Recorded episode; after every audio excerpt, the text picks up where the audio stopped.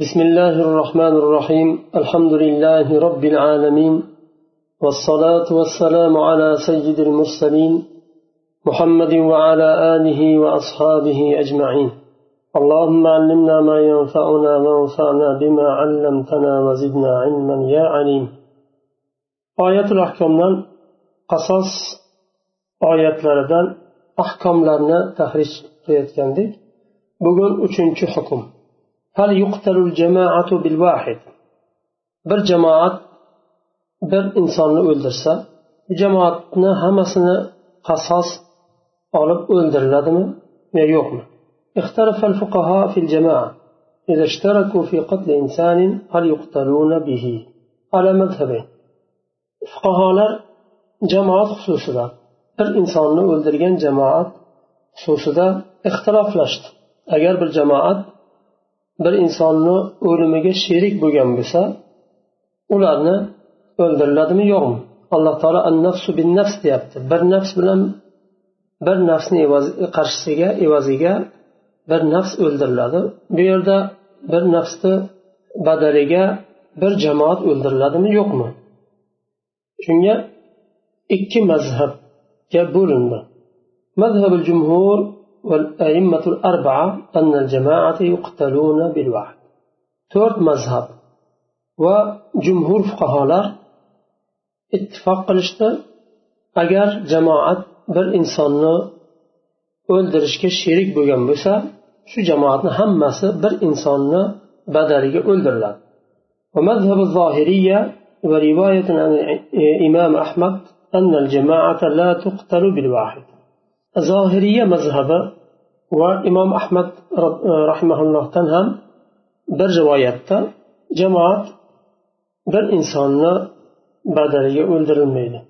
Zohiriyalarni dalili استدل أهل الظاهر بآيات القصاص كتب عليكم القصاص في القتلى فقد اشترط المساواة والمماثلة قالوا لا مساواة بين الواحد والجماعة بل انت دليل qur'ondagi oyatni dalil qilishdi.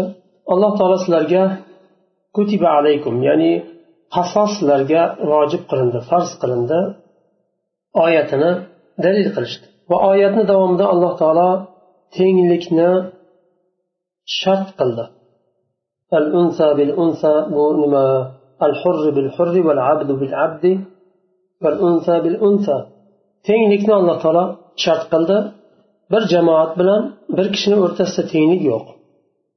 Ikkinchi dalillari استدلوا بقوله تعالى وكتبنا عليهم فيها أن النفس بالنفس فالنفس تقابلها النفس ولا تقتل الأنفس بالنفس الواحد لأنه مخالف لنفس الآية وكتبنا عليهم فيها الله تعالى هكذا بنو إسرائيل هكذا قصة سنة قرآن berganda biz unda ya'ni tavrotda ularga farz qildik. An nafsu bin nafs bir nafs bilan bir nafs o'ldiriladi. Bu qur'onda oyat bo'lib nozil bo'ldi. Agar bu aslida tavrot hukmini alloh taolo bu yerda hikoya qilayotgan bo'lsa ham agar shunga qarshi muxolif bir e, qur'ondan sunnatdan hukm bo'lmasa shu islomda mustaqil bo'lib qoladi.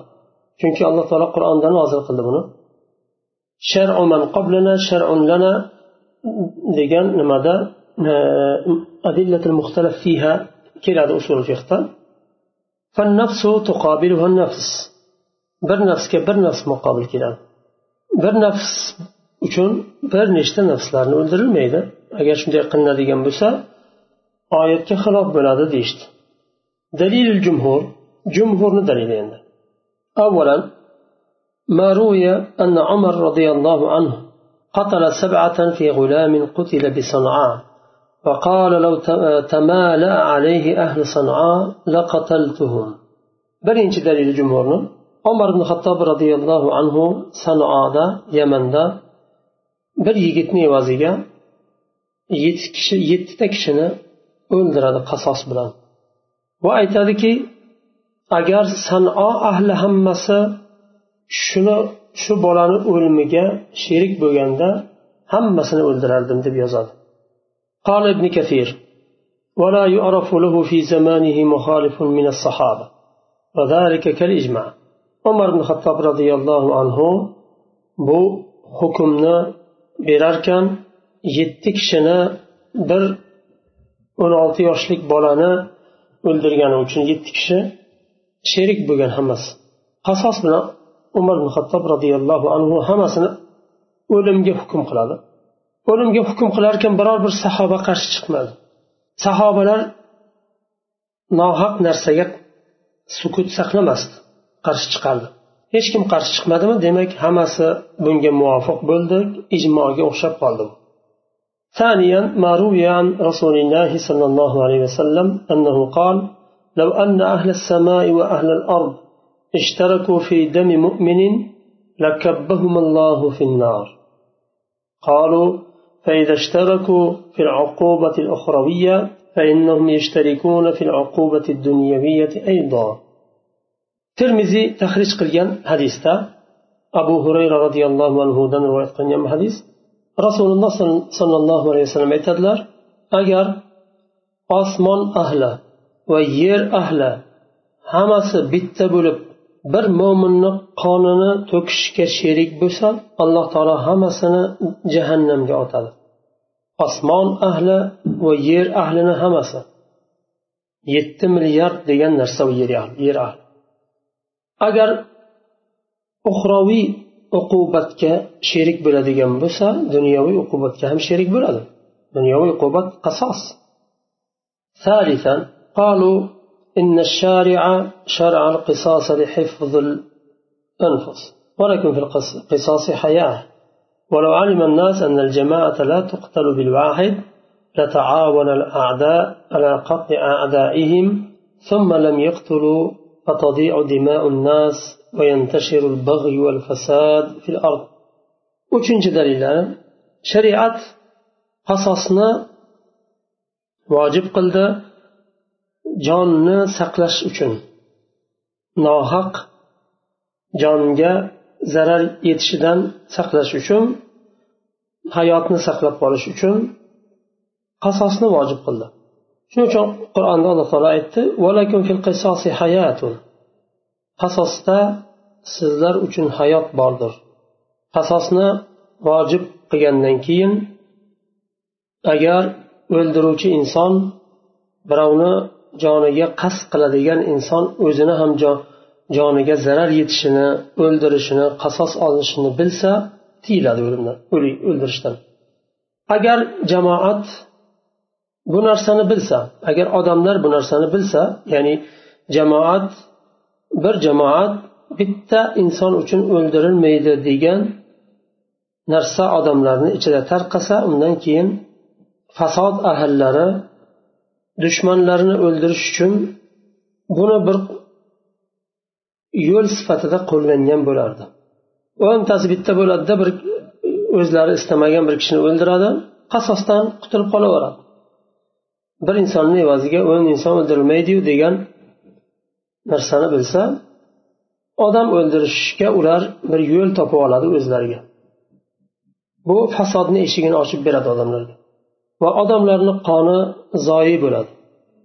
To'kilishi evazsiz to'kilishi oson bo'lib qoladi va yer yuzida fasod va dushmanlik tajovuz tarqaydi. Bu saddi zaroya bobidan usulda keladi. Saddi zaroya har qanday narsa agar fasodni yo'lini ochib ochib berish ehtimoli bo'lsa shariat shuni to'sadi. Agarchi shu narsa o'zi aslida muboh bo'lsa ham muboh bir amal fasodni eshigini ochib berishi ehtimoli bo'lsa uni shariat to'sadi yopadi shu eshikni bu saddi zaroya deydi bu ham usulda adillatil muxtalaf fihada keladi قال ابن العربي احتج علماؤنا بهذه الآية كتب عليكم القصاص قال أحمد بن حنبل في قوله لا تقتل الجماعة بالواحد لأن الله شرط في القصاص المساواة ولا مساواة بين الواحد والجماعة ابن العربي هو مالكي مثلا aytdilar bizni olimlarimiz mana shu oyatni dalil qilishdi ahmad ibn hambal rahimaullohga qarshi kutiba alaykum qisos yani ahmad ibn hambalga qarshi derkan ahmad ibn hambalda ikki qavl bor birisi jumhur bilan ikkinchisi zohiriyalar bilan jamoat o'ldirilmaydi bir kishini evaziga bir, e, bu bir qavl ikkinchi qavl jamoat o'ldiriladi bir kishini evaziga bu ikkinchi qavllariga nima e, raddiya bo'lyapti o'ldirilmaydi degan qavllariga raddiya beryapti ibn arabiy aytadilarki kutiba alaykumul qisos qasos vojib bo'ldi والجواب أن مراءة القاعدة الأولى من مراعاة الألفاظ ولو علم الجماعة أنهم إذا قتلوا واحدا لم لم يقتلوا به لتعاون الأعداء على قتل أعدائهم وبلغوا الأمل من التشفي منهم. birinchi javob shunga muroat al qoida avla min muroat al lafzni rioya qilish bor va qoidani rioya qilish bor. Lafzni rioya qiladigan bo'lsak musovat kelib chiqadi. An nafsu bin nafsi bir nafs bilan bir nafs. Bu lafz. Lekin qoida nima? Umum odamlarni qonini himoya qilish fasodni yer yuzidan ko'tarish nohaq o'limdan saqlash odamlarni va agar bir nafs bilan bir nafs o'ldiriladi deb lafzni rioya qiladigan bo'lsak odamlarni orasida bu tarqasa jamoatlar o'zlari yoqtirmagan kishilarni o'ldirib qasosdan qutulib qolishgan bo'lardi ya'ni o'zlariga odamlarni o'ldirishga bir yo'l topib olgan bo'ladi وجواب آخر أن المراد بالقصاص قتل من قتل كائنا من كان qasosdan murod kim bo'lsa bo'lsin o'ldirgan insonni o'ldirish kim o'ldirgan bo'lishi farqi yo'q qasos olinadi ردا على العرب التي كانت تريد أن تقتل بمن قتل من لم يقتل bu oldingi arablarga rad bo'lib keldi islomdan oldin qabilalar o'ldirgan kishini emas uni undan boshqalarni ham o'ldirib yuboradi bir kishini evaziga yuzlab odamni o'ldirib yuboradi bunga rad bo'lib keldi an nafsu bin nafsis qur'on ularga rad berdi ويقتلون في مقابله الواحدة بمئة افتخارا واستظهارا بالجاه والمقدر bir kishini evaziga yuzlab kishini o'ldirib yuboradi ular faxrlangan hollarida o'zlarini ulardan ko'ra ortiq sanagan hollarida alloh taolo tenglikni va adolatni shart qildi keyin. Amr qildi. Va adolat qachon bo'ladi? O'ldirgan kishini o'ldirish bilan. Ulardan boshqalarni ham o'ldirish emas masalan bir qulni o'ldiradigan bo'lsa biz ulardan hurni o'ldiramiz deydigan bo'lsa bo'lmaydi. Ya'ni o'ldirmagan kishilarni borib o'ldirishi nohaqlik bu qur'on shunga rad berdi الحكم الرابع كيف يقتل الجاني عند القصاص jinoyatchi qasos vaqtida qanday o'ldiriladi اختلف الفقهاء في كيفية القتل على مذهبين endi jinoyatchi aniq bo'ldi undan qasos olish kerak qasos hukmi berildi qanday qasos olinadi buni kayfiyatiga kayfiyatida ixtiroflashdi ulamolar ikki mazhabda فذهب مالك والشافعي وفي رواية عن أحمد أن القصاص يكون على على الصفة التي قتل بها qanday o'ldirgan bo'lsa xuddi shunday o'ldiriladi deyishdi فمن قتل تغريقا قتل تغريقا kim suvga cho'ktirib o'ldirgan bo'lsa o'zini ham suvga cho'ktirib o'ldiriladi ومن ردح رأس إنسان بحجر قتل بردح رأسه بحجر. كم بر إنسان باشنا تاش بلن إزي بلدر ينبسا أزنا هم باشا تاش بلن إزي بلدر واحتج بالآية الكريمة كتب عليكم القصاص سنرجع قصص واجب بلدر ديگر آياتنا دل قلش أوجبت المماثلة فيقتص منه كما فعل va oyatni davomida tenglikni shart qildi vojib qildi qanday o'ldirgan bo'lsa shunday o'ldirishlik tenglik bo'ladi shuning uchun qanday o'ldirgan bo'lsa shu tarzda o'ldiriladi واحتج بحديث أنس أن يهوديا رضح رأس امرأة بحجر فرضح النبي صلى الله عليه وسلم رأسه بحجر أنس رضي الله عنه حديث dalil qilishdi bir yahudiy bir xotinni boshini tosh bilan ezib o'ldiradi. Va rasululloh sollallohu alayhi vasallamga bu yetganda u yahudiyni ham boshini tosh bilan ezib o'ldiradilar. Qasosni olib. Endi ikkinchi mazhab abu hanifa va ahmad fi rivoyatin ukhra. Ikkinchi rivoyatda ahmad roziyallohu anhu ila anna al-qatl la yakunu illa bis-sayf. Qasos faqatgina qilich bilan olinadi. tosh bilan o'ldirgan bo'lsa ham cho'ktirib o'ldirgan bo'lsa ham bostirib o'ldirgan bo'lsa ham bir narsani ostiga qasos faqatgina qilich bilan olinadi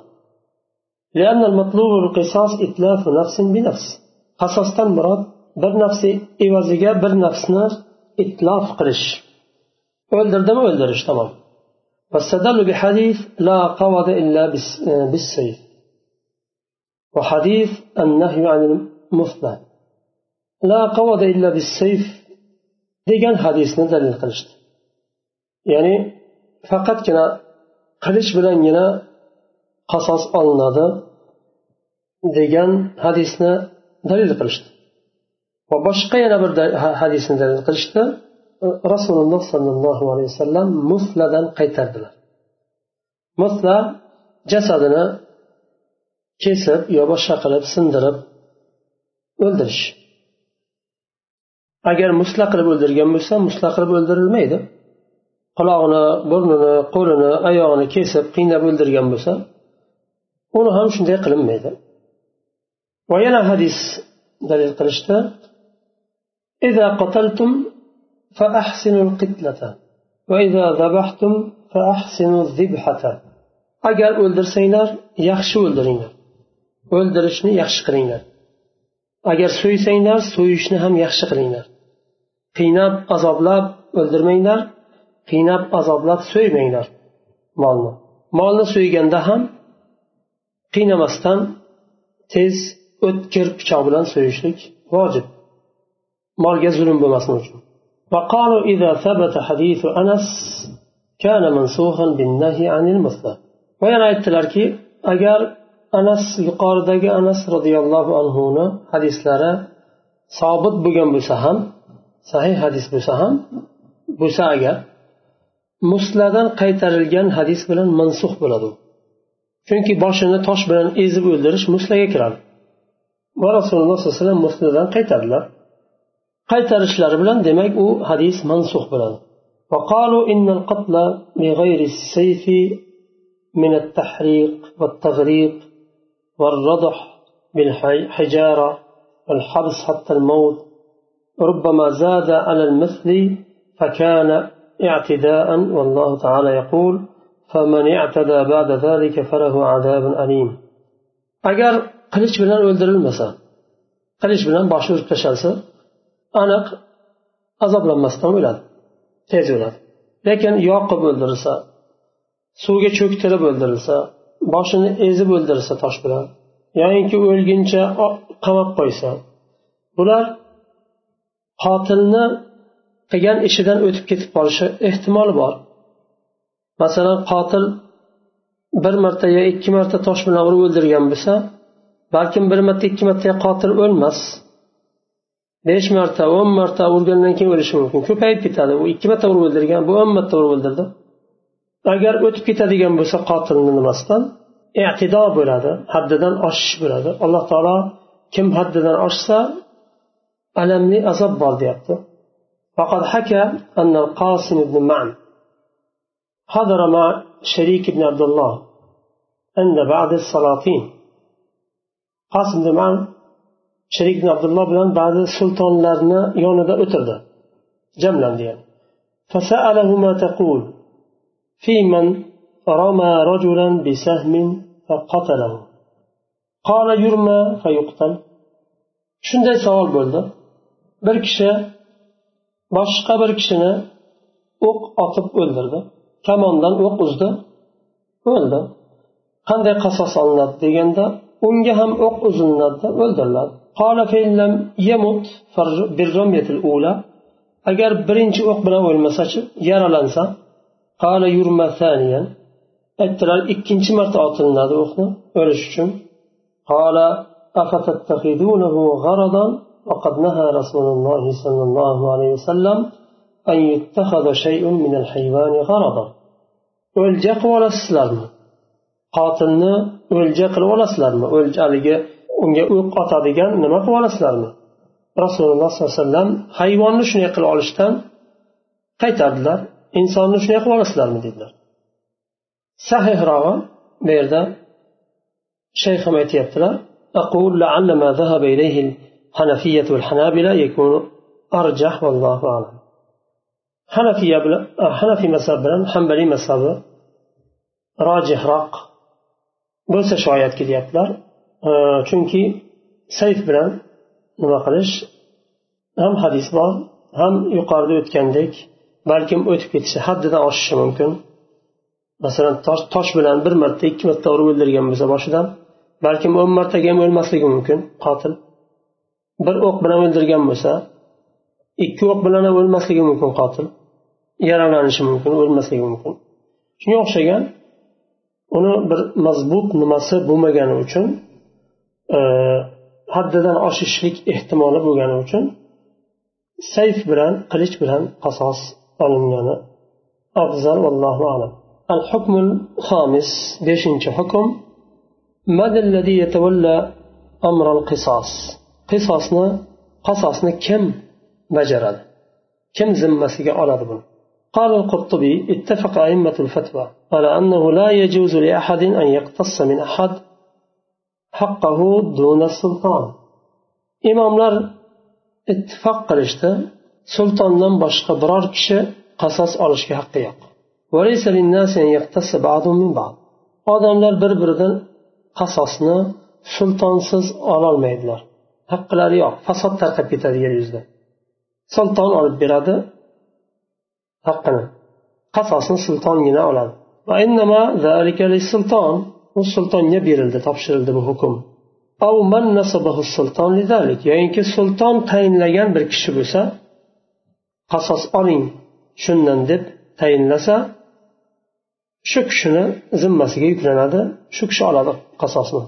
ولهذا جعل الله السلطان ليقبض أيدي الناس بعضهم عن بعض alloh taolo sultonni yer yuzida nima qildi odamlarni bir birlaridan qo'llarini tiyish uchun sultonni yer yuzida hukm berdi hop shu yerda to'xtaymiz kelasi darsda inshaalloh davom etamiz سبحانك اللهم وبحمدك أشهد أن لا إله إلا أنت أستغفرك وأتوب إليك.